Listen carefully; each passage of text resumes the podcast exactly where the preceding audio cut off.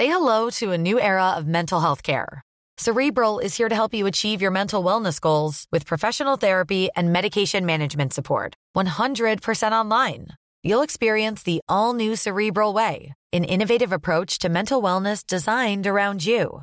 You'll get a personalized treatment plan from a therapist, prescriber, or both in a safe and judgment free space.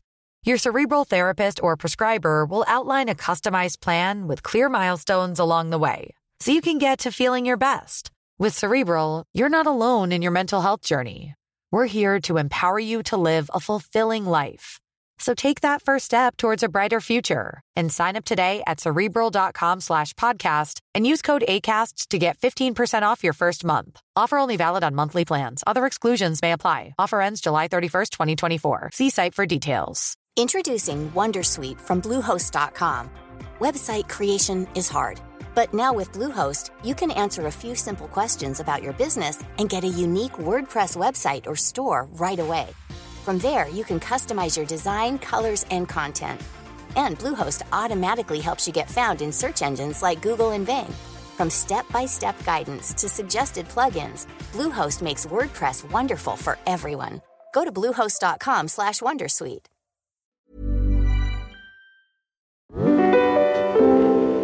generelt så tror jeg, at min opfordring er at huske at fortælle om de ting, der er svære.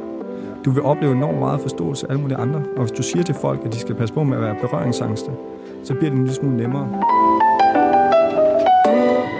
Jannik, kan man virkelig godt hjælpe til i verden, ændre liv for andre, mens man selv tjener penge, investerer i sig selv og skaber et, et, et godt liv?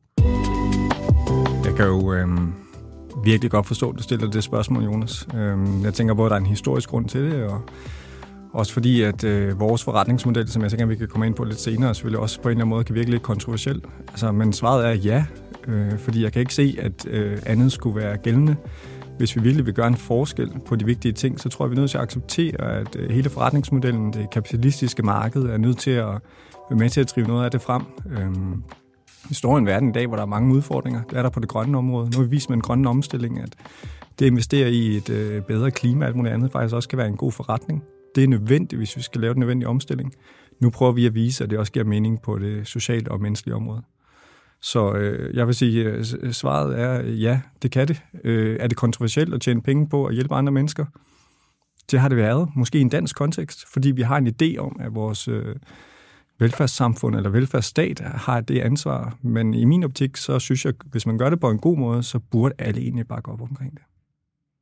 Jannik Tarpen Bukholz, du er ledende partner i den sociale kapitalfond Effekt. Og øh, det har du været, været i snart øh, 2.000 dage. Mm. Det er altså cirka fem år. Det, I laver i den sociale kapitalfond, der I investerer i, at mennesker får et bedre liv. Mm. Og som du også lige kom lidt ind på, så øh, skaber I også et afkast til jeres investorer, mm. mens I skaber de her forandringer. Så det vil sige, at din faglighed, det er jo investering, det er et begreb, man kalder social impact. Der skal mm. ske noget øh, ude i det sociale. Og øh, så ved jeg ikke, om vil du kalde dig selv fondsforvalter også? Ja, det er vel den øh, tekniske betegnelse af mit job, ikke? Ja. ja. Mm. Og øh, så er du en øh, analytisk og klog mand, der har øh, en LinkedIn, hvor man kan følge med. Der kommer rigtig mange spændende ting. Øh, man kan læse sig frem til, man kan mærke, at du er en empatisk mand, du er en boganmelder på din mm-hmm. LinkedIn også, mm-hmm. hvor du sidder nogle gange og dykker ned i og giver os andre, der læser med, indsigt i dine interesser i psykologi, personlig udvikling ja. og så videre. Og øhm, så er der jo også den ting, at øhm, jeg har legnet to episoder op, som vi kommer til at, at lave sammen senere, fordi du er også min gæstevært mm. i, i to episoder i fremtiden. Øhm, hvor jeg jo ved, du er en sport, sportsinteresseret mand, så der får vi Lasse, Lasse Svand, to kæmpe profiler med, Lasse Svand og William Kvist.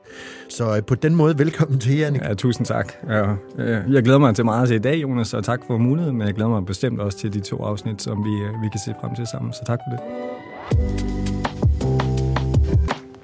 Lad os lige prøve at sætte scenen for, at øhm, et, vi, man kan ligesom sige, vi, vi er lidt inde på to ting, som man i dansk kontekst måske kan have svært ved, når man snakker om mm. at investere i mennesker, der har brug for hjælp. Ja. Hvad, hvad kan man sige? Det ene problem, den ene udfordring, det er, må man tjene penge på at hjælpe andre? Ja. Det var den, du ligesom satte i spil. der er også den anden, der ligesom er, øhm, hvorfor overhovedet gøre det? Kan jeg godt varetage og ændre andres liv, mens jeg hjælper mig selv? Mm. Altså, øh, der kan også ligesom være et skisme imellem at sige, hvis jeg gør noget godt for andre arbejder, NGO-arbejde og sådan noget, mm. så er der slet ikke plads til mig selv. Jeg kan ikke gøre noget. Øhm, det er ligesom den anden skisme, jeg ser. Ja. Men der vil jeg bare lige bruge starten her, inden vi kommer over til dig, Jannik, på at sige, at det man faktisk kan se i, forskning, i forskningen, det er, at vi alle sammen bliver øh, bedre, mm. bliver mere effektive, mere produktive, når vi føler, vi gør en forskel. Så det vil sige, hvis man udelukkende går efter økonomiske mål, hvis man udelukkende går efter øhm, ydre mål, som ikke påvirker en mm. empatisk, følelsesmæssigt, så er det faktisk sværere at lave resultater, ja. viser meget forskning. Blandt andet på produktivitet og lykke, hvor øh, man, har, man har vist, at glade medarbejdere i, er 13 procent mere produktive mm. end øh, ikke glade medarbejdere. Man har også øh, øh, undersøgt formålsdrevet arbejde, hvor øh, forskning indikerer, at når man hjælper andre i sit arbejde, så giver man, får man en større øh, følelse af opfyldelse, ja. som driver en fremad. Ja. Vi skal derfor lære om, øh, Jannik, hvordan vi hjælper til i verden, mm. eller vores nærmiljøer, øh, sammen med dig i dag, uden at svigte dem, vi har øh, nærmest omkring os, ja. og uden at svigte vores egne øh, missioner i livet. Og jeg vil bare lige sige til dem, der lytter derude, det er mere podcasten, I lytter til, en øh, podcast om personlig udvikling, om at skabe ændringer i sit liv, og øh, sætte rammer for at leve det liv, man gerne vil. Jeg hedder Jonas Sølberg, jeg er partner, journalist, storyteller. Normalt har vi Mike Rador med i den her podcast også. Han har lige fået en baby, så han er desværre i øh, Marbella med sin familie. Og Jannik, hvis jeg skal starte med at øh, dykke ned i det, som er din niche, dit mm. arbejde, og vi skal snakke om social investering. Mm. Prøv lige at tage den helt fra toppen og fortælle mig, hvad er social investering? Ja, Altså sociale investeringer er jo lidt mere bred term, som grundlæggende handler om, at man både gerne vil gøre en forskel for mennesker, skabe social afkast, som indebærer, at mennesker får et bedre liv, øh, kommer ind på et arbejdsmarked, som de ellers ikke har oplevet, at der var plads til dem på, eller får en stærkere sundhed, samtidig med, at man gerne vil skabe et finansielt afkast til sine investorer, eller, eller vækste sin forretning, hvis du nu er en virksomhed eller alt muligt andet. Og normalt har vi jo i, i, i mange år øh, hvert fald i, i 10 år tilbage, haft en idé om, at det handlede om at tjene rigtig mange penge, øh, og så bagefter, så kunne man se, om man gjorde noget godt, eller havde noget filantropi, øh, filantropi mm. på siden. Og nu er det egentlig tanken om at, at prøve at kombinere de to ting. Det er nødvendigt. Jeg synes, det bedste billede på det, og prøve at forstå det i en social kontekst, det er jo at tage det grønne område. Mm. Øh, Jonas, jeg tænker, for 20 år siden, når der nogle af de første, eller 25 år siden, der kom ud til pensionskassen og sagde, hey, det giver god mening at investere i vindmøller så vil jeg gætte på, at der var nogle investeringsdirektører derude, der sad og tænkte, at det var, det var måske lidt hippieagtigt, eller kan man overhovedet det, og kan vi overhovedet regne på, hvor meget det blæser? Og den dag i dag, der er det jo en kæmpe industri, og jeg synes, det er ikke fordi, at jeg, jeg øh, er, er fantast og tror, at vi nu skal lave den helt samme bevægelse, men det er tanken at gøre noget af det samme på det sociale eller sundhedsmæssige område. Hvorfor er det vigtigt at støtte op omkring øh, social investering nu, social øh, udvikling? Altså, øh, øh Altså, jeg tænker, vi er jo først og fremmest sociale væsener, hvis vi skal starte der. Altså, vi er drevet af det. Vi er drevet af at have et fællesskab. Uden et fællesskab, så øh, mistrives vi. Det var også nogle af de tendenser, vi kunne se i, i særligt blandt unge i Danmark, hvis vi skal det, men også alle mulige andre steder. Jeg tror, det er et spørgsmål om, at sociale relationer bliver reddet fra hinanden af alle mulige grunde. Big tech, mm. sociale medier og alt muligt andet. Øh, og for det andet, så tror jeg, at øh, den sociale sammenhængskraft, uanset om det er i Danmark eller i verden, er ret afgørende for, at vi også kan lave den grønne omstilling, som også er nødvendig. Så af flere årsager, så mener jeg, det er vigtigt, at vi, øh, vi også investerer på det område. Og det er et område, der har været en lille smule mere diffust, fordi hvordan kan vi egentlig måle det? Mm. Hvordan kan vi måle på, om mennesker lever et bedre liv? Øh, der tror jeg, at man bliver været lidt udfordret indtil videre, men man begynder at have nogle gode måder at måle det på. Jeg vil faktisk også gerne lige bruge det her til at komme lidt tættere på, hvem det er, I hjælper. Ja. Fordi øh, man kan sige, sidder man derude og lytter med, og man hører social investering, man hører en social kapitalfond og sådan noget, så er vi jo helt op vi er oppe, nu sidder jeg og viser sådan, vi er helt oppe på den høje klinge her, ikke? Mm. Fordi jeg forestiller mig, I sætter nogle, øh, altså det I gør, det er jo, at I får penge ind mm. fra nogle investorer. Ja og så investere i de penge. Ja, i projekter. Og, og, og vores kapitalfond, lige den, jeg er ansvarlig for, er en lille smule anderledes end mere sådan en klassisk kapitalfond, hvor man køber en ejerandel eller hele virksomheden, og så sælger dem igen senere. Det er sådan en mere kendt måde at gøre det på. Det vi gør i den sociale kapitalfond Effekt, øh, det er, at vi laver en form for projektfinansiering. Og hvis jeg må prøve at tillade mig at tage et eksempel for at gøre det sådan jordnært, og så håber jeg på, at lytterne derude øh, synes, det kan følge med. Det kan godt være en lille smule. Ja, jeg skal nok sige til, fordi jeg forstår ikke så meget om øh, projektfinansiering. Var det ikke det, det hed? Jo, lige præcis. Kolding Kommune, øh, sammen med Landsbyggefonden, som er nogen, der varetager øh, blandt andet det almindelige byggeri i Danmark, og laver også nogle øh, sociale helhedsplaner øh, rundt omkring, hvor man laver nogle forskellige aktiviteter for mennesker, der bor i almindelige boligområder i Danmark. De kom til os og sagde, at øh, de var udfordret med en gruppe mennesker, som de ikke kunne hjælpe godt nok. Mange af de her mennesker bor i, i de her øh, udsatte boligområder, og de sidste 3-20 år aldrig været på arbejdsmarkedet. De kæmper desuden med alle mulige andre sociale udfordringer, og kommunen var nu kommet til den konklusion. De har svært ved, til trods for, at de bruger penge og midler på det, man kalder beskæftigelsesindsatser, og faktisk at få dem i arbejde. Mm. Så deres ønske var at sige, kunne I investere penge i at prøve at gøre det bedre, end det vi gør i dag? Det vi så øh, blev enige om, det var at prøve at lave et 36 måneders projekt. Vi skulle investere penge i det, sammen med Landsbyggefonden, i at hjælpe de her mennesker på en bedre måde, end det, der var gjort hidtil. En af de greb, vi gjorde, det var, at vi fandt nogle rigtig dygtige samarbejdspartnere. Øh, det er en virksomhed, der hedder Marcelisborg, som har nogle mennesker, der er virkelig gode til at udvikle andre mennesker og hjælpe dem ind på arbejdsmarkedet. Coaching, mentorering på en eller anden måde? livsmestring, øh, familieelementer. Øh, der var sågar en borger, som øh, vi var behov for, eller de havde behov for at hjælpe med at rydde af lejligheden, da vedkommende var øh, hårdere mm. og gjorde det svært at komme ud. Øh, for det første ud af sin lejlighed, og så kan man godt forstå, at det også er svært at, at mm. også passe et arbejde. Øh, det, der så er tanken, det er at sige, at de her mennesker, de får nu en, en coach, grundlæggende 36 måneder. Vi hjælper dem. Desto flere måneder vi lykkes med at få de her mennesker til at blive selvforsørgende, så kommer der en betaling fra kommunen tilbage til os, som så forhåbentlig gør, at over tid, når vi har hjulpet rigtig mange mennesker, det er 70 mennesker, vi har investeret i her over 36 måneders periode, så vil de, øh, det kunne fx være, at de var på kontanthjælp, de penge, som de kommunen så sparer i kontanthjælp, de bliver så sendt til os indtil en vis grænse af noget, og vi har så fået vores penge tilbage, plus et finansielt afkast. Det troede jeg slet ikke kunne lade sig gøre. Nej, det er der mange, der ikke tror, der kan. Jeg kan slet ikke lade være at tænke på det som, når øh, vi i, i mentorforløbet øh, mere, som går ind og, og siger til folk, du skal tage vare på dig selv, mm. du kan udvikle dig selv. Mm. Så det her er jo en form for personlig udvikling ja. For, på sådan et samfundsperspektiv. Ja. Så i stedet for, at man bare gør det for sig selv, så har I så hjulpet 70 mennesker, ja. som aldrig vil have råd til det her. Ja. I har hjulpet en kommune, mm. som heller ikke vil have råd til det her, med at løfte mm. 70 mennesker. Og øhm, jeg vil ikke sidde her og regne for åben skærm, skulle jeg til at sige. Vi er ikke på tv, men man kan da i hvert fald hurtigt forestille sig, hvad det kan betyde af gevinst for samfundet og for de her mennesker ja. at være at de næste 20 år at være ude af det, man potentielt har siddet i. Må jeg, må jeg, må jeg prøve at fortælle om en af de mennesker, der var der, ja. som har øh, øh, været villige til at stille sig frem? Og mm. det er jo noget, vi er rigtig glade for, men igen, vi er ikke ude på at sådan slå plat på udsathed overhovedet. Men, men vedkommende vil gerne stille sig frem, fordi at, at det havde ændret hendes liv, som hun sagde. De sidste 20 år har hun været på kontanthjælp. Hun har haft svært ved at forstå det system, som egentlig har forsøgt at hjælpe hende. Hun har haft mange kontaktpunkter til kommunen som hun sagde, øh, vi spurgte til, hvad var forskellen her? Som hun sagde, for første gang, så oplevede jeg ikke bare at blive set som et papir eller en sag. Der var en, der så mig som et helt menneske, og som blev ved med at insistere på, at der var noget mere at komme efter. Og nogle gange har vi en tendens til at undervurdere det potentiale, der ligger i mennesker. Men de mennesker, som øh, måske heller ikke ser sit eget potentiale, det handler grundlæggende om, at andre mennesker ser dem forstår, hvem de er, hvor kommer de fra, bliver ved med at insistere på, at der kan være mere at komme efter, uden at presse dem. Fordi det handler om tillid. Har du ikke tillid til de mennesker, der skal prøve at hjælpe dig, kommer du heller ikke til at få nogen udvikling. Mm-hmm. Nu er hun øh, selvforsørgende, og som hun selv siger, lykkeligere end nogensinde før. Wow, det er jo, det er jo meget potent, øhm, specielt når man sidder på den side af bordet, som jeg gør, og øhm, arbejder med sig selv, arbejder med mennesker, der arbejder med sig selv. Så når man hører de her succeshistorier, hvor folk faktisk formår at få ændret deres mm. liv fra et rigtig dårligt sted til et rigtig godt sted, så ved man, hvad det har krævet os. Ja, ja. Hvad det har krævet af empati, hvad det har mm. krævet af, at der er kommet et rigtigt menneske, som du mm. siger, ud og har besøgt hende, set hende, motiveret hende, hjulpet hende. Det er meget, øh, det er meget imponerende.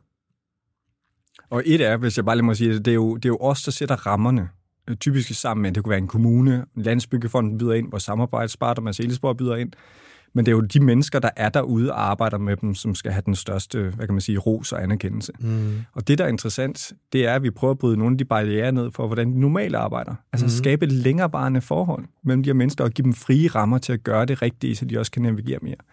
Og øh, det er en af de udfordringer, vi nogle gange kan opleve i alle mulige forskellige sammenhænge, det er, at der er nogle systemer, der er på en bestemt måde, der er nogle strukturer, der er på en bestemt måde, og så fortsætter man ligesom bare det. Det gælder også ens eget liv. Hvis man ikke bryder ud med nogle af de strukturer, eller vaner, eller adfærd, så er det også svært at lave en udvikling. Mm. Så uanset om det gælder dig selv som det enkelte menneske, eller om det gælder vores velfærdssamfund og system, så er det nødvendigt, at vi prøver at skrue og ændre på nogle af de ressourcer, og vi er også villige til at investere relativt stort, om det er i sig selv, mm. eller i andre mennesker, for at få alvor at få løst det. For hvis vi gør det samme, som vi gjorde i går, ja, så får vi sjovt nok det samme resultat igen i morgen. Jannik, der sidder jo øh, klart størstedelen af dem, der lytter med her mm. i, i Mere-podcasten. De er jo på en eller anden måde interesseret i, hvordan de udvikler deres eget liv. De er interesseret i, også i stort omfang, hvordan man kan hjælpe andre. Mm. Fordi øh, det ene hænger lidt sammen med det andet. Mm. Når man først begynder at ændre sig selv, mm. og forstår, at der er nogle håndtag at skrue på, så, ved, så, så bliver næste step også hurtigt at se, at det, det ændrer også på mine relationer. Ja. Det ændrer på min kæreste. Det ændrer på mine børn. Mm. Det ændrer på øh, mine venner. Mm på godt og ondt, kan man sige, ikke? hvor nogen vil trække sig, og andre vil komme tættere på. Men der, jeg kan ikke lade være med at bruge dig som den her kilde og sige, når man så sidder derude, og man gerne vil ændre noget, mm. måske er man selvstændig, måske har man drømmen om at gøre et eller andet, hvad, hvad er det så, der mangler derude? Fordi øh, du, du kan jo se det på begge sider, du kan se ja. det helt fra toppen, og du kan se det helt fra jorden. Hvad kan man gå ud og gøre? Hvad er det for nogle indsatser, der mangler? Det er jo et rigtig godt spørgsmål. Altså først og fremmest søge noget viden. Øh, det gør jeg selv. Inspiration, det kunne være bøger og alt muligt andet. Eksperter, øh, folk, der er virkelig dygtige, dygtigere end dig selv. Ikke? Øh, blive inspireret selv. Jeg har været så heldig også kvæg mit arbejde og med nogle mennesker, som er sindssygt dygtige. Det kunne være til vejrtrækning. Det kunne være til faste, mindfulness, alt muligt mm. andet. Og de har inspireret mig til at selv at gøre nogle ting om, fordi jeg mm. kan mærke dem. Jeg kan mærke, hvilke mennesker de er, kvæg de også følger de redskaber selv. Øhm, så det er lidt at opsøge det og starte med at, at kaste ud i det. Og mm. et er, at man sidder og kan mærke, at det kribler, men faktisk at få det gjort. Det er det, der er det store skridt. Så nogle ja, ja. er det også lige at prøve det af, og hvis det ikke er en selv, så kan man altid lade være igen. Mm. Så farligt behøver det heller ikke at være at kaste ud i det. Men jeg tænkte også lige så meget det der med, fra et professionelt perspektiv, hvis jeg skulle finde et hul i markedet, mm. fordi nu er jeg jo også lidt businessman, så er der, er der nogen, er der, øh, du siger Marcelisborg for eksempel, mm. Mm at øh, er der en mangel på dygtige coaches? Ja. Er der en mangel på dygtige folk, der kan gå ind og hjælpe til, når kommunen siger, we can't do it anymore. Mm. Basalt set spørger jeg også om, er der, er der måske også en eller anden, er der en samfundsmodel, mm. som er, er lidt skruet for, øh, mm. skævt sammen lige nu? Mm. Og det, du må jo sige, hvis du ikke må udtale om det, hvis jeg bliver Nej. for politisk her, det ved jeg ikke. Men det tænker jeg ikke, du gør. Men altså, ja, grundlæggende, øh, ja, altså i Danmark har vi et sindssygt godt velfærdssystem, mm. og det fungerer på alle mulige måder rigtig godt. Lige nu synes jeg desværre, der er en tendens til at opleve, at der er nogle af de mennesker, der arbejder inden for det her system, og det kunne både være det private og det offentlige, mm. som oplever, at nogle barriere og rammer og alt muligt andet, måske også knappe ressourcer, gør, at de ikke kan gøre det, der er det rigtige for de mennesker, de møder. Mm. Også fordi kompleksiteten i de udfordringer, vi, øh, de mennesker for eksempel står overfor, bliver også bare større. Det kan både være multisygdomme, det kan være kombineret med noget psykisk og alt muligt andet. Så der er nogle elementer, der begynder at udfordre os en lille smule mere, som kræver enten en, en større investering eller et længere tidsperspektiv. Mm. Og det er vi lidt udfordret på. Ja. Så kan man sige, øh, jeg ved ikke, om du kender det selv, men, men, men hvad gør sociale medier ved din søvn? Mm. Hvad gør det ved din psykiske velvære? Hvad med din sundhed? Får du dyrket den motion, du skal, og alt muligt andet? Tingene der begynder også at blive blandet meget mere sammen. Mm. Så der er et socialt pres også, som ikke har været tidligere? Det, det er i hvert fald min analyse af det. Og så kan vi altid diskutere, om er vi bedre til at opdage de udfordringer, der er? Mm. Eller er vores samfund måske også ændret sig så meget, at de små skævheder, vi nogle gange selv har, de bliver mere udtalt i et mm. samfund, som begynder at blive mere og mere rigidt og gå hurtigere og hurtigere. Jeg har jo altid tænkt, øh, jeg er jo selvbekendt på venstrefløjen. Mm. Jeg har altid tænkt, at det, der er interessant ved at kigge over på nogle af de her kæmpe store private virksomheder, samtidig med, at man kigger på socialstaten, det er, at vi får et mindre og mindre, øh, vi får mindre og mindre, en mindre og mindre stat, mm. og øh, et system, som samtidig kræver større og større kompleksitet. Ja. Fordi at det er bare sindssygt svært at navigere ja. i, øh, i en social stat i 2024 i forhold til, hvad jeg forestiller mig, det var i øh, 52. Det tror jeg, du ret i. Lige efter Stavning, ja. hvor han kom og sagde, vi skal sgu bare lige have nogle andelsboliger og sådan noget. Der er så mange, der er så mange ting op i, i luften lige nu. Mm. Vi har også større forventninger mentalt. Øh, vi, har, vi er vokset op i en anden kultur, mm. så vi har også en forventning om, at der er nogen, der tager sig af os og hjælper os. Ja. Så min pointe med det her er at sige, i den ideelle verden, hvis man nu skal være lidt utopist, øhm, så vil man jo på en eller anden måde hele tiden teste ting af Mm. og sige, socialstaten, det, det er også en kæmpe stor virksomhed. Mm. Kan vi lave et eller andet lean udvikling, hvor vi siger, nu prøver vi sgu lige det her af. Vi kan se, der skal mere empati til. Mm. Der skal, mere, øh, der skal flere modeller til. Mm. Vi, kan ikke, vi kan ikke blive ved med det samme øh, og køre det samme mønster. Så øh, på den måde, så, så synes jeg også, det kan lyde som om, at I er med til at sætte nogle ting i gang og teste nogle ting af. Bestemt, og øh, grundlæggende kan man sige, at øh, vi sejrer den dag, der ikke længere er nødvendigt at have sådan nogen som os. Grundlæggende, fordi systemet eller alle mulige andre aktører kan klare det uden os. Fordi vi kommer jo både med noget kapital, som er risikovillig. Vi kan ende med at tabe nogle penge, hvis det ikke går godt. Mm. Men vi kan også skabe nogle rammer og nogle måder at samarbejde på, som er nye, som er svære for folk at, at se. Og hvis det hele fungerede perfekt, så var der grundlæggende ikke brug for det. Mm.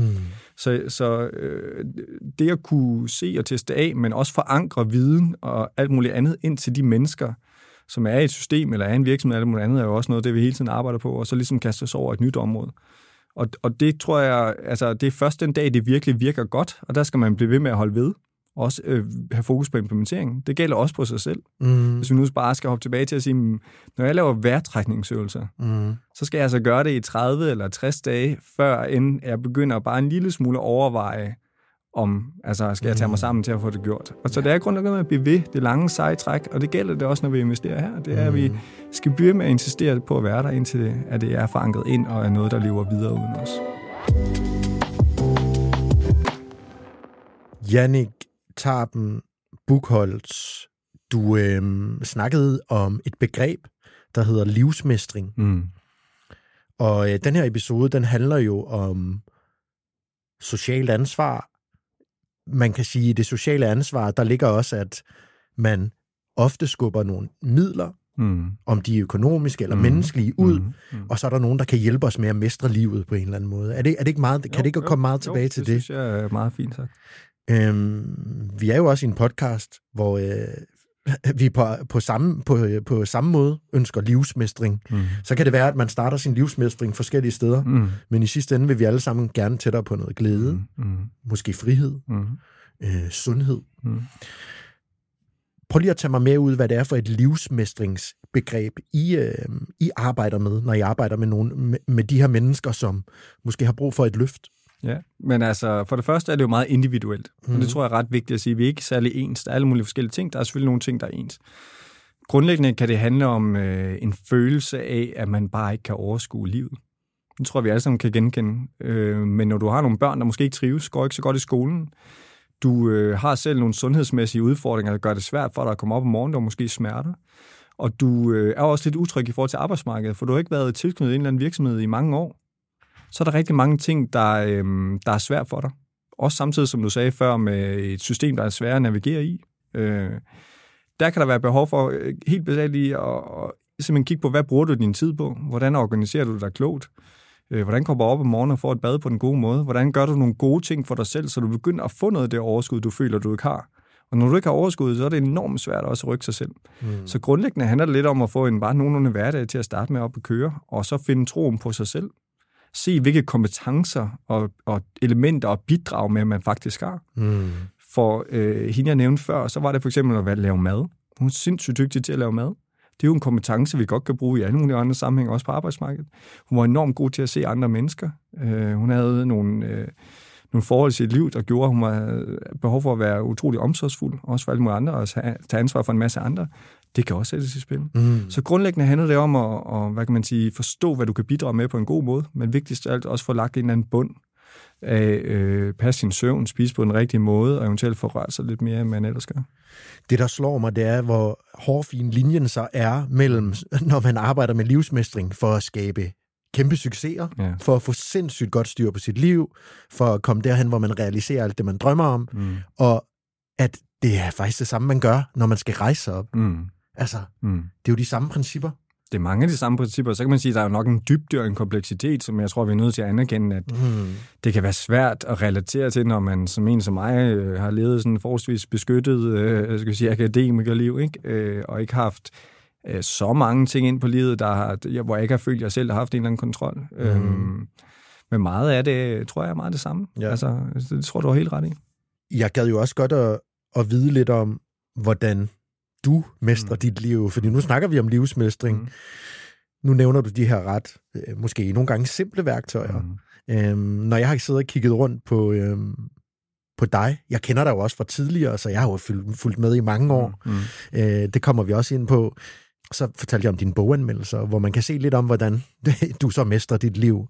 Øh, du nævner blandt andet i LinkedIn-opslag øh, en gut, der hedder Thomas Breinholt, der har, øh, du laver en anmeldelse af hans bog, der hedder Kan man tænke sig rask? Mm. Hvad, er det, hvad er det, du bruger bøger til og, i, i din livs, livsmestring? Jeg øh, altså bliver inspireret, få et nyt syn på nogle elementer, som, øh, hvor jeg gik og troede et eller andet. Mm. Øh, så er det jo også inspiration i forhold til det arbejde, jeg laver, altså for nogle nye områder. Øhm, Hvordan det? Jamen, det kan være for eksempel det, som øh, Thomas blandt skriver om sin bog, det er, at øh, sindet nok har en større betydning for vores generelle sundhed, end vi går og tror. For eksempel så viser nogle forskellige studier af, at øh, hvis du havde en forventning om at få mange bivirkninger af corona, øh, vacciner og alt muligt andet, så fik du det også i højere grad senere hen. Så det hele dine wow. forventninger til, hvordan øh, tingene udvikler sig, kommer til at gå. Det betyder enormt meget. Det gælder også på, på kraftområdet. Han viser, hvordan at der er en masse operationer, som i høj grad er drevet af placebo, og hvordan vi ser på det, og hvor mm. positivt det er. Selv så fremhæver også nogle studier, der viser, at selv når du fortæller folk, at de får en placebo, øh, hvad kan man sige, øh, behandling, ja. så oplever de en stor positiv påvirkning af det. Og det synes jeg bare er interessant, fordi der er der noget, vi selv kan prøve at arbejde med. Og ikke ja. for at sige, at du bare skal sige, hvis jeg tænker, at det går godt, så går det nok godt. Nej, nej. Men du kan arbejde med dine forventninger til livet, og så vil man nok opleve, at, at det bliver en lille smule lettere eller bedre. Jeg var ved fysioterapeut i sidste uge, mm. fordi at øh, ja, den her, den jeg kalder vores næste evolutionære pukkel, mm. som er sådan den øverste mm. øh, rygsøjle, når vi sådan går og kigger ned i vores øh, telefoner og sidder ved vores computer, så er det sådan, det er den, jeg forestiller mig om sådan 200 år, mm. der er den blevet til sådan et horn, det kommer til at se fedt ud til gengæld, ikke? så kan man sådan, og så er der helt sikkert en, en, en øh, kapitalisme derude, der er klar til at sådan købe, så kan man købe accessories til ja. den. Men øh, han sagde, altså jeg var bare inde og få nogle skulderøvelser og bruge det til en del af min træning. Jeg træner meget, så øh, jeg har fokus på at investere i min krop. Ja. Han sagde bare noget, der var ret vildt, den her buff mand med skæg. Han sagde til mig, Jonas, der er ikke rigtig noget galt med dig, eller sådan, jeg kan ikke trykke nogen steder. Mm. Og så fortalte han mig, at øh, WHO World, World Health Organization for relativt nylig havde, var begyndt at anerkende smerte ikke som et symptom længere, mm. men som sygdommen i sig mm. selv. Så det vil sige, at vi har længe gået... Vi, altså, vi lever i en tid i dag, hvor at folk er tesen for ham mm. og for WHO, at man kan være så psykisk presset, ja. at der bare dukker smerte op. Ja. Du får ondt. Ja. Du er helt fucked i hovedet. og så siger din krop på et eller andet tidspunkt, det her, det, altså alarm, alarm. Mm. Så han sagde bare til mig, når du har en diffus smerte, eller en smerte, som, hvor jeg ikke kan gå ind og sige, der er sgu ikke noget galt med din ryg, dine muskler ser fine ud, dine skuldre er gode, mm. så er det fordi, du skal passe på dit hoved. Ja. Så smerten, altså det der med det holistiske perspektiv i det, det synes jeg er spot on. Ja. Jannik, hvis man lige skal, kort skal, skal røre lidt også, hvordan driver du så din hverdag? Mm. Fordi øhm, jeg ved, du er interesseret i bøger, som sagt. Du er interesseret i vaner, strukturer. Mm. Jamen, altså, hvordan driver min hverdag? Først og fremmest, så, altså, min dag starter ind i dagen før, mm. med at sørge for at få noget ordentligt søvn. Mm. Fordi det er blevet meget tydeligt for mig igennem mit liv. Søvn er det vigtigste for, hvordan jeg har det. Mm. Så det prøver jeg at prioritere. Det betyder også øh, ikke så meget skærm, og også grunden til, at jeg faktisk er begyndt at læse. Skal det alternativ til at se Netflix, eller sidde og kigge ned i min telefon, eller være på LinkedIn, eller hvad jeg nu ellers skal bruge min tid på. Øhm, så det starter der. Og så vågner mine børn, øh, jeg har to små dejlige piger øh, på to og fire, de vågner klokken 6 ja. og har en forventning om, at nu skal far op. Øh, vi skal op og have morgenmad. Øhm, så det vil jeg også gerne være frisk til, fordi at øh, med et arbejde, som jeg har, og hvor jeg endda forsøger at have det meget balanceret, øh, mm-hmm. og prøve at være meget tid sammen med dem, så er det ikke så mange øh, altså timer på en almindelig hverdag, jeg egentlig kommer til at være sammen med dem. Så der har jeg typisk de der to timer sammen med dem. Øh, vi skal have tøj på, vi skal spise morgenmad, øh, vi skal være gøre os klar aflevere dem, eller min kone afleverer dem, og så er det arbejde. Og der prøver jeg, hvis vi nu skal også igen blive lidt konkret, og noget jeg ved, jeg også snakke om her, så er deep work. Mm. Forsøg at få nogle rigtig gode timer der om formiddagen, hvor man virkelig kan arbejde igennem med det, vi laver. Og så prøver jeg at lægge mine møder lidt om eftermiddagen så vil jeg gerne cykle hjem og prøve at koble af, inden jeg kommer ind ad døren, så jeg i høj grad ikke har brændt al min energi af, og også skal være igen være en positiv, glad far. Hvordan gør du? Hvordan ja, men, du for... Men, inspireret af, det, I siger, og nogle af dem, jeg har haft inden, og også noget af det, jeg ved, Mike han uh, taler om, så mm. er det grundlæggende lige at sige til sig selv, nu kommer jeg ind ad døren og har den energi. Ja. Prøver at tage mig sammen, prøver at forestille mig, hvordan jeg leger med dem og gør nogle sjove ting. Mm. Jeg prøver også at lægge min telefon væk, for det er noget af det, der hurtigt kan give en distance. Mm. Nu er jeg så heldig, at nogle af mine piger kan finde på det. En gang med dem sige til mig bare, læg telefonen væk. Ja. Og det er det, der virker allerbedst. Det, det er, når, man lige siger, når de siger det, og man lige bliver ramt øh, helt ind i, øh, og kan mærke, at man, man skal lægge den der skide telefon. Det er sådan lidt hug i mellemgulvet, ja, der er sådan ja. øh, parentes far. Ja. Du er altså en dårlig far lige nu. Ja, lige præcis. Hvad er og, det, og det synes jeg, og det, og det er det, og det er en færre kritik. Ja. Og der er der ikke nogen, du øh, altså mindre værd kritik fra end dine børn og din kone, vil jeg sige, eller, eller din ægtefælde. Så, øhm, og, og så kan man sige, så er det jo noget med at spise dem og prøve at forsøge at putte og skabe nogle rammer og nogle strukturer mm. for dem, som også er gode. Og så øh, kommer den her aften-natterutine igen så hvad kan man sige ellers en gang med sociale relationer. Jeg synes, det er meget undervurderet i forhold til vores sundhed og også vores psykiske velvære. Det er mm. de sunde, gode relationer. Yeah. Og det behøver altså ikke altid betyde, at vi skal ses med mennesker. Det kan også være at tjekke ind med dem. Yeah. Send en sød besked til en, du lige har tænkt på, et eller andet. Gør nogle af de der ting, som man egentlig sidder og føler i øjeblikket. Yeah. Få det faktisk lige gjort. Det betyder enormt meget, når du selv modtager sådan en besked, eller gør et eller andet. Øh, jeg har en, en, en, en god ven, som, som lige desværre har oplevet at miste sin far. Og i går der sendte han mig bare en besked, hvor jeg skrev, at jeg tænkte på ham. Ikke nogen forventninger, om han skulle svare, men bare fordi jeg håbede, at han ville blive glad for det, og jeg kunne mærke det lige i det øjeblik. Så skal man få det gjort. Ja, wow. Jannik, jeg har jo faktisk øh, nu når vi er ved kapitlet livsmestring, så mm. kommer det jo til os, at jeg bliver også nødt til lige at breake vores historie. Ja. Vi har jo, øhm, jeg har haft en, en, en gæst inden før, der hedder Mikkel Severin, ja. som øh, jeg også kender ham, fra... Øh, ham har jeg også drukket en øl med. Ja, ham har du også drukket en øl med, som, jo, som øh, vi jo begge to kender fra Egmont-kollegiet, som er det her store historiske kollegie mm. i København, hvor der de sidste, hvad bliver det, 50, 60, 70, 80 år, øh, måske mere, har boet unge mennesker. Mm. Og øh, meget af mit netværk kommer derfra. Du er jo en af dem. Jeg har jo spillet på fodboldholdet med dig, ja, ja. og øh, du har været min træner på fodboldholdet. Du mm. selv en meget dygtig fodboldspiller, som så fik en ah, knæskade. Ja. Men ved du hvad, nu når vi snakker om livsmestring, så, øh, så, så kommer jeg jo lidt tilbage til, hvordan fanden var jeg, dengang vi kendte hinanden, ikke? Mm.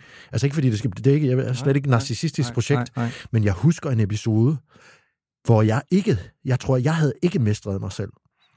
Jeg tror, dengang i min start midt 20'er, der var meget, der var meget ego. Mm.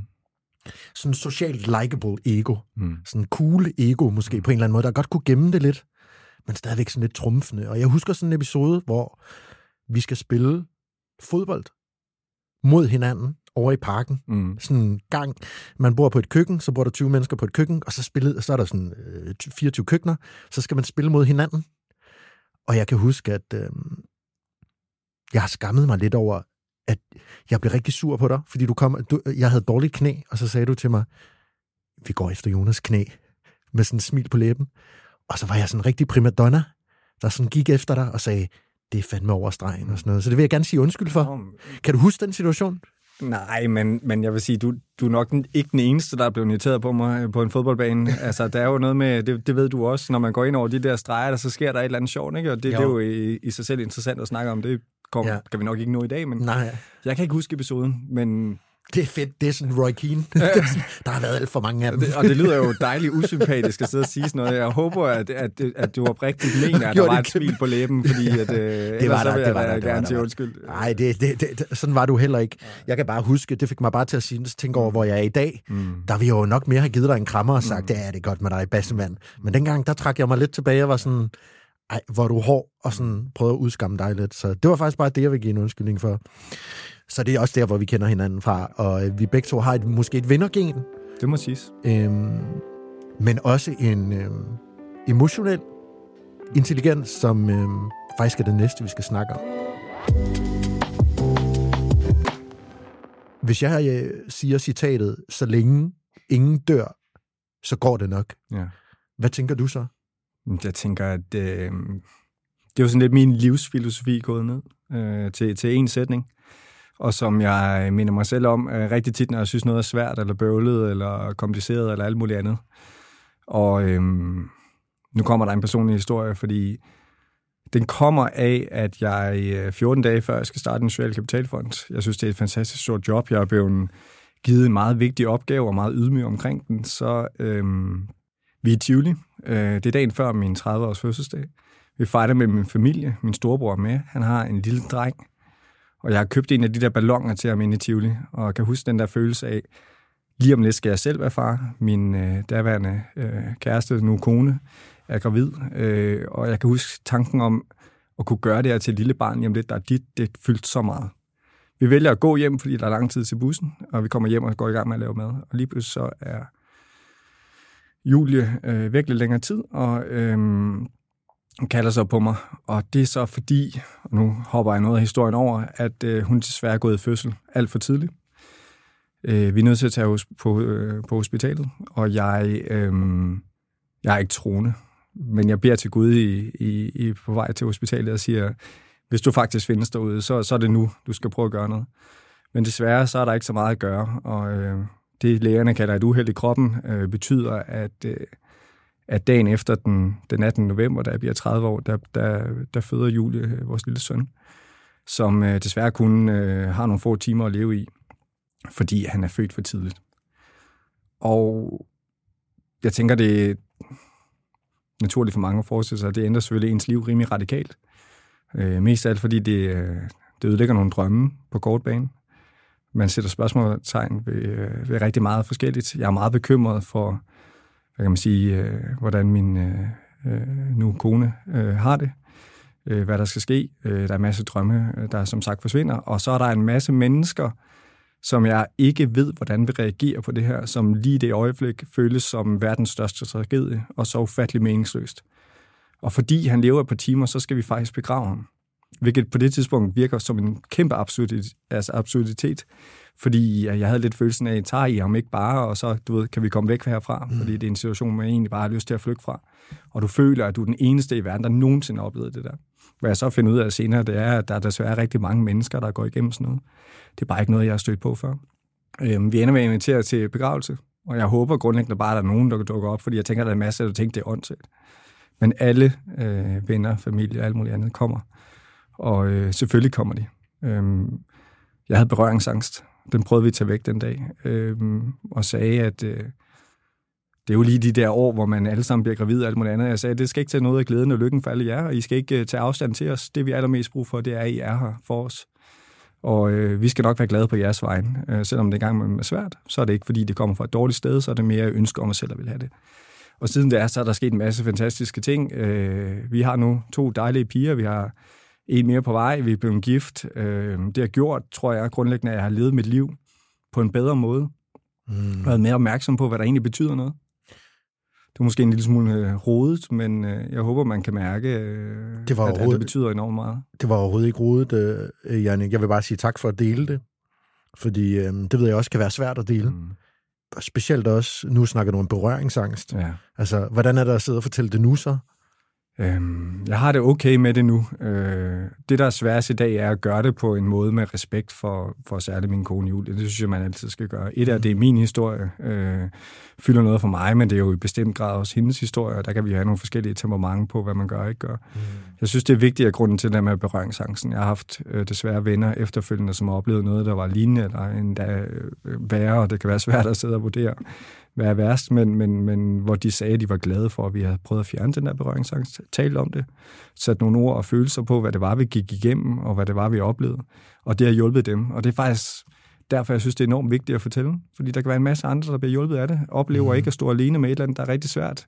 Og generelt, så tror jeg, at min opfordring er at huske at fortælle om de ting, der er svære. Ja. Du vil opleve enormt meget forståelse af alle mulige andre. Og hvis du siger til folk, at de skal passe på med at være berøringsangste, så bliver det en lille smule nemmere. Og hvis jeg lige må tage en anden historie, og mm. bare lige knytte den på. I lørdag stod jeg en meget regnfuld våd dag på en legeplads uden andre børn end øh, et andet barn fra, fra min ældste piges børnehave og hendes far. Og han øh, og har desværre også oplevet at miste sin mor i en ung alder. Og som han sagde, der er ingen af mine venner, der nogensinde spørger til det. Og det gør mig faktisk lidt ked af det. Men jeg ved godt, at de gør det. Et eller andet sted er et godt hjerte, fordi de er bange for, hvad der sker, og hvad er det nu. Så lad os nu bare pakke det væk. Yeah. Og det tror jeg simpelthen er en enormt stor misforståelse. Jeg tror, vi er nødt til at tage fat i nogle af de ting, der virkelig betyder noget, og tage det frem. Øh, vise det frem, også fordi så bliver smerten eller monstret eller alt muligt andet en lille smule mindre, og forhåbentlig kan man også hjælpe nogle andre øh, og være der for dem den dag, at det er nødvendigt. Jeg kommer til at tænke på den podcast, vi lavede med Kukura, mm. Lena og Mads, ja, ja. som begge to har haft kraft. Mm i ret slem grad, mm. så slem grad, at det, det ændrede deres liv. Ja. Og en af de ting, jeg tog med for den samtale, hvor Mike også fortalte om sin mm. kæreste Brendas øh, kraft, det var lige præcis det, du siger. Spørg ind. Mm. Snak med folk om det. Det er altså en empati, som øh, man ikke vil være foruden. Hvad har det lært dig om, hvad der er vigtigt, og, og dine værdier, at stå i sådan en... Altså, vi oplever alle sammen kriser. Mm. Øh, nogen mister deres virksomhed, nogen mister deres far indtil, eller ja. nogen mister deres barn. Det må være det ultimative, tunge mm. lodderbære. Hvad har det lært dig om, om, om dine værdier og dine, dine valg? Ja, altså først og fremmest har det jo lært mig, og det har jeg nok altid vidst, jeg har bare ikke altid ageret efter det, at øh, min familie er det vigtigste overhovedet, øh, herunder mig selv. Øh, af mine venner det betyder enormt meget, og at øh, de er altafgørende, øh, særligt på de dage, der er svære. Og der vil jeg bare, altså, og jeg igen, apropos før, jeg siger det tit til dem, når jeg lige mærker det i min krop, så skriver jeg til dem, at jeg er enormt taknemmelig for det, de gjorde for mig, mm. øh, og gjorde for os. Øh, det tror jeg ikke, man kan forvente, at nogen skal gøre. Så har det lært, at øh, vi virkelig skal lade være med at vente til noget går meget galt til at gøre det, der er rigtigt. Fordi på det tidspunkt, så bliver det meget tydeligt, hvad dine værdier er og alt muligt andet. Og så bliver det også meget tydeligt i bagkug, altså, altså i bagudrettet, at, at der er nogle ting, man ikke har levet altså, i overensstemmelse med ens værdier. Og det gør ondt, synes jeg. Øh, så når jeg har mødt andre mennesker, som apropos øh, det, du fortæller om her, som har været uden for et eller andet, så kan man mærke, at de lever på en anden måde. Om det er en anden ro, eller nogle andre prioriteter. Men jeg synes i hvert fald, man kan mærke, at de har taget et eller andet aktivt valg. Og det er bare ærgerligt, at man skal komme derhen til at stå mm. på kanten af afgrunden, som det føles med i øjeblikket, før man begynder at gøre det. Så det andet, det har lært mig, det er, at øh, det burde vi gøre noget meget, øh, altså meget før, meget, øh, altså på en anden måde. Øh, simpelthen søge det. Og hvordan vi gør det, det synes jeg er svært at svare på end, øh, end, øh, end som så. Er der nogle situationer, hvor du så i dag kan se, okay, jeg, øh, jeg, står, i, jeg står ved en vej, mm. og øh, her bliver jeg nødt til enten at sige til eller fra, mm fordi jeg kan mærke mig selv, jeg kan mærke, at der er noget i mig, der strider. Altså tilbage til den her, vi snakker om med, hvad vil vi egentlig? Ja. Altså sådan, med, vi, jeg tror, vi som begreb kan kalde det autenticitet. Mm. Alt muligt sidder i mig, øh, mm. på den dårlige måde lige her. Mm. Mm. Jeg gør ikke noget ved det. Nej. Jeg kører bare videre, fordi nogle gange så kan vi jo også spille os selv ind, det er bare en bakke, man lige skal over, eller mm. sådan noget. Ikke? Og, og man skal måske også passe på med at blive for finfølende, så du farer ind i alting, ikke? Altså, jeg tror, der er... Det er nu gider jeg ikke podcast mere. Nej.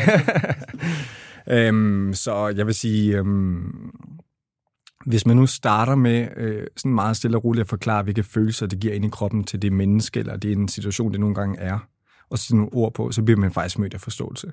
Det næste, man så skal gøre, det er at lytte for der er tit den anden side af historien også. Mm. Og hvis du ligesom kan skabe den forståelse, mm. så er det meget nemmere at møde som et eller andet. Øhm, så det er sådan en af elementerne. Noget andet er jo det der med, at øh, de gange øh, med det arbejde, jeg har, der kunne vi jo... Øh, altså, vi kunne arbejde så mange timer hver uge. Ikke? Altså, der er jo ikke nogen grænse for, hvor meget du kan ligge i det arbejde der. Men igen, jeg har lavet nogle regler og nogle principper for mig. Jeg kan være sammen med mine børn og min familie og prøve at prioritere det. Og søge restitutionen, så jeg faktisk kan præstere på en god måde. Og de gange, hvor jeg så lige bliver ramt af den der følelse af dårligt samvittighed over et eller andet arbejde, så minder jeg mig selv om at sige, hov, mm. hvad er det egentlig, der er vigtigst? Det er din familie og nogle af de elementer. Og hvis du ikke prioriterer det, så kan du heller ikke øh, prioritere dit arbejde. Så du kan faktisk godt sidde og kigge på nogen, der sidder og knokler og tænke, ved du hvad, jeg har lovet over for mig selv. Jeg har et socialt ansvar over for min familie, over for min nærmeste. Jeg bliver sgu også nødt til at øh, tage hjem. Ja, altså jeg prøver at være meget eksplicit omkring det mm. øh, til team og kollegaer og alt muligt andet, og afstemme det.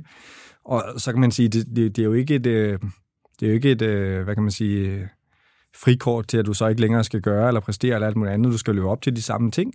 Det kan bare være en lille smule nemmere for folk at forstå, når man lige putter den vinkel på det. Ja. Og generelt også prioritere selv. Altså måske sidder de også med en eller anden berøringsangst omkring, at de gerne vil noget andet, men man gør det, fordi at vi nu har fanget en eller anden... Øh, øh vi skal være her-agtig øh, struktur. Øh. Jeg synes, fleksibelt, øh, gør det så godt du kan, øh, vær så ærlig og åben omkring de udfordringer, der er, så, så tror jeg, vi kan arbejde meget mere effektivt og, og på en mere bæredygtig måde.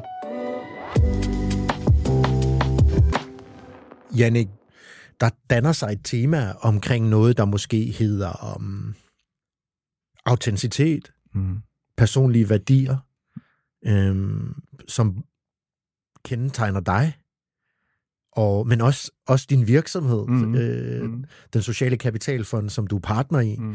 Der er ligesom et, øh, hvad er det, man siger, en synergi. Der er noget, der flyder sammen af mennesket. Jan ikke Ja. passer måske meget godt ind det sted. Ja, men det tror jeg, du har helt ret i. Altså, og det er noget af det, jeg tager med på arbejde, og noget af det, jeg kan mærke, at øh, også betyder meget for vores investorer. Altså, vi prøver at være hudløst ærlige. Øh, når man prøver at begive sig ud i noget nyt, så er der en masse udfordringer, en masse ting, man laver fejl på.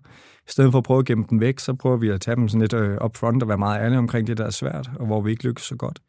Det oplever vi skaber tillid og tro på os på lang sigt. Øh, det gælder også i forhold til, hvad kan man sige, salg eller samarbejde med andre. Øh, kom med den, du er. Vis, hvad det er. Øh, hvem du er. Fordi i høj grad, så kan man sige, ja, vi har et produkt eller en struktur, som er godt, som kan skabe noget værdi. Men øh, når man nu skal samarbejde over lang tid, så er det også vigtigt, at vi kan ligesom have nogle fælles værdier eller noget at mødes om, eller vi forstår, hvem vi er, hver som menneske. Så jeg vil sige, øhm, tag tillid og aut- aut- autenticitet med ind i det, og lad være med at pakke ting ind, som ikke skal pakkes ind. Altså være rimelig ærlig og åben, fordi min oplevelse er, at alle gerne vil bidrage konstruktivt til det. Er det, er det, også din, er det simpelthen også din erfaring af den her hudløse ærlighed, Mm. menneskelighed, Mm. selv når man kommer op i kapitalfondsverdenen, Ja. hvor der er penge på spil, så er det Altså- faktisk så er det også et sted, hvor man kan, hvor, man, hvor folk, folk faktisk værdsætter den ærlighed, modsat fordommene, vi jo kan have lidt om Mm. sådan corporate land, hvor du lige du sådan skubber slipset op i, i, i halsen, og så øh, lyver du om, at øh, du ikke har sovet i nat, Mm. og at øh, dine børn er... Jamen på godt og ondt, fordi vi møder jo også, øh, apropos det du siger, nogle folk, som måske ikke er af den skole. Ja, ja. Og vi har sågar haft en investor, der siger, at I skal lade være med at undersælge jer selv. Okay. Det er ikke Hvad, tit, hvad man hører det. undersælge? Ja, men det betyder grundlæggende, altså lad nu være med at hele tiden tage forbehold for, hvad der kan lykkes, og ikke alt muligt Ja. at være for ydmyg. Altså det, I laver også øh, på mange måder rigtig godt. Hmm. Det skal I stå for. I behøver ikke, øh, altså netop øh, ikke tro på, at man kan skabe det. Og det er jo sådan en, måske den, den negative øh, side af det med at være meget ydmyg, eller autentisk, eller ærlig, eller tillidsfuld, det er, at man måske ikke kaster sig ud i nok ting, Ja. ja. øh, prøver nok af, er risikovillig nok, ikke? Så det er jo sådan en hårfin balance at prøve Mm. at, at lande de der ting, og man skal passe på med at øh, kun se, øh, hvad kan man sige, den skinnende side af mønten, men også vil sige, at der er nok også nogle ulemper ved det, Mm. øh, som man så skal være, ja, hvad kan man sige, øh, åben overfor, eller, eller nysgerrig på. Vi er nået til vejs ende, så småt i den her øh, podcast. Jeg vil dog lige høre, nu når jeg har dig, så sidder du og kigger der og smiler der. Mm. Øhm, kan man investere i øh, på nogle måder i social kapital? Mm. Altså, øh, og er det noget, man skal gøre? Øhm, der er jo nogle regler for, øh, hvad det er for nogle investorer, vi for eksempel må have i vores fond. Mm. Der er også nogle regler, at det skal være sådan semi-professionelle investorer, øh, som sætter en vis begræn- en grænse på, hvilken investeringssum man skal have. Så, så jeg vil sige, mange, der lytter med, og selvom I har meget succesfulde lyttere, øh, så tænker jeg, at det måske ikke lige på sådan en kort bane, men jeg vil i høj grad sige, mm, stil nogle krav til øh, din bank eller dit pensionsselskab til at begynde at tage et større socialt ansvar og få nogle produkter, hvor man kan investere den vej igennem. Mm. Øh, så findes der en masse alle, gode alle mulige andre alternativer, hvor man kan gøre det. Og øh, generelt prøv at være nysgerrig på det.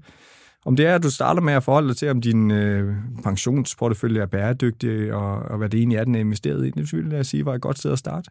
Du kan også overveje, hvilke virksomheder, hvis du nu øh, køber aktier eller noget andet, du egentlig investerer i, og lige kigge på, hvad det er øh, for en forretning, de driver, for uden, øh, hvad kan man sige, de sorte tal på bundlinjen.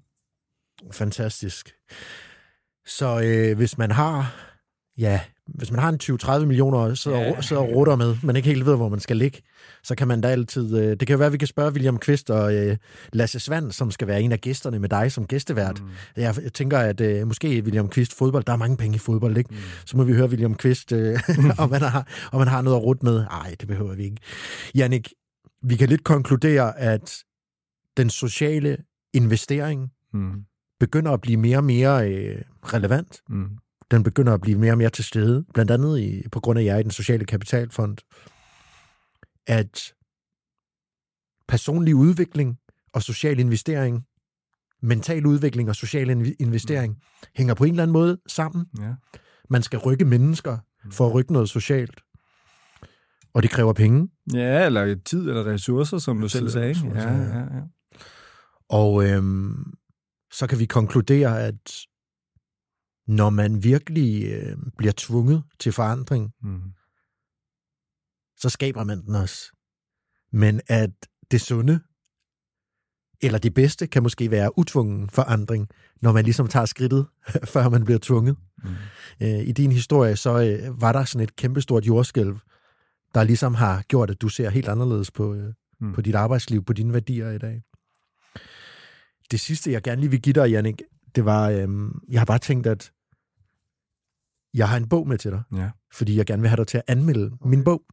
Og øh, vi, vi gik, nu kommer lytterne lige med ind bagom her, vi gik en lang tur sammen her for, øh, for et stykke tid siden, og snakkede lidt, og så var jeg øh, ude på Københavns Universitet til et møde.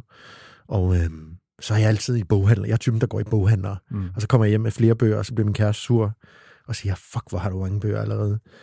Men der var bogen, der hedder Kæmp for kloden, Mm. af Claus Strohe Frederiksen og Vincent F. Hendricks, som øh, bare så rigtig spændende ud, og øh, handler om, hvordan verdens problemer skal løses i fællesskab. Øhm, jeg, ved ikke, jeg, ved ikke, jeg ved ikke, om den er relevant jo, for dig, men nu får du den med. Ja. Jeg, jeg håber ikke kun det er klima. Nej. Jeg håber også, det er socialt fagligt. Så ja, ja. jeg vil i hvert fald udfordre dig til at læse den, og så folk går ind på LinkedIn, når du har læst den, ja. og så får de en. Den får du lige her. Ja. Jeg har en lang læseliste, øh, og jeg skal nok prøve at få prioriteret den op på listen. Ikke? Så hvis man sidder derude og følger med og tænker, hvorfor kommer den ikke, så ved man, at øh, det er altså bare et spørgsmål om tid. Så øh, gå ind og ja. følg med. Ja. Opfordring til det. Tak, Jonas. Fornemt. Den glæder mig godt nok til at læse. Fantastisk. Jannik, øh, jeg vil bare sige tusind tak, fordi du var med. Mm, vi, kom, ja, vi kommer mange ting. Det var spændende. Du er jo øh, en mand, man kommer til at høre mere øh, til de næste to afsnit. Så det vil jeg bare glæde mig til. Øh, så tak, fordi du var med. Det er mig, der takker. Så vil jeg sige til lytterne, at øh, gå ind, følg os på jeres øh, favorit podcast player, og skriv nu en anmeldelse til os. Skriv en besked til os lægge en stjerne. Det er ligesom det, vi lever af, at folk kan se, at der er nogen, der kan lide den her podcast. Den eneste måde, vi kan bevise det på, det er, hvis folk gider at, at skrive, at de godt kan lide os. Så øhm, det er op til jer. Socialt ansvar, tag det. Der er ikke så meget andet at sige end uh, tak, fordi I lyttede med. Jeg hedder Jonas Sølberg. Jeg skulle hilse fra Mike Rador, som sidder nede i Marbella sammen med Ellie og uh, hans kæreste Brenda. Vi lyttes ved næste uge. Hej hej.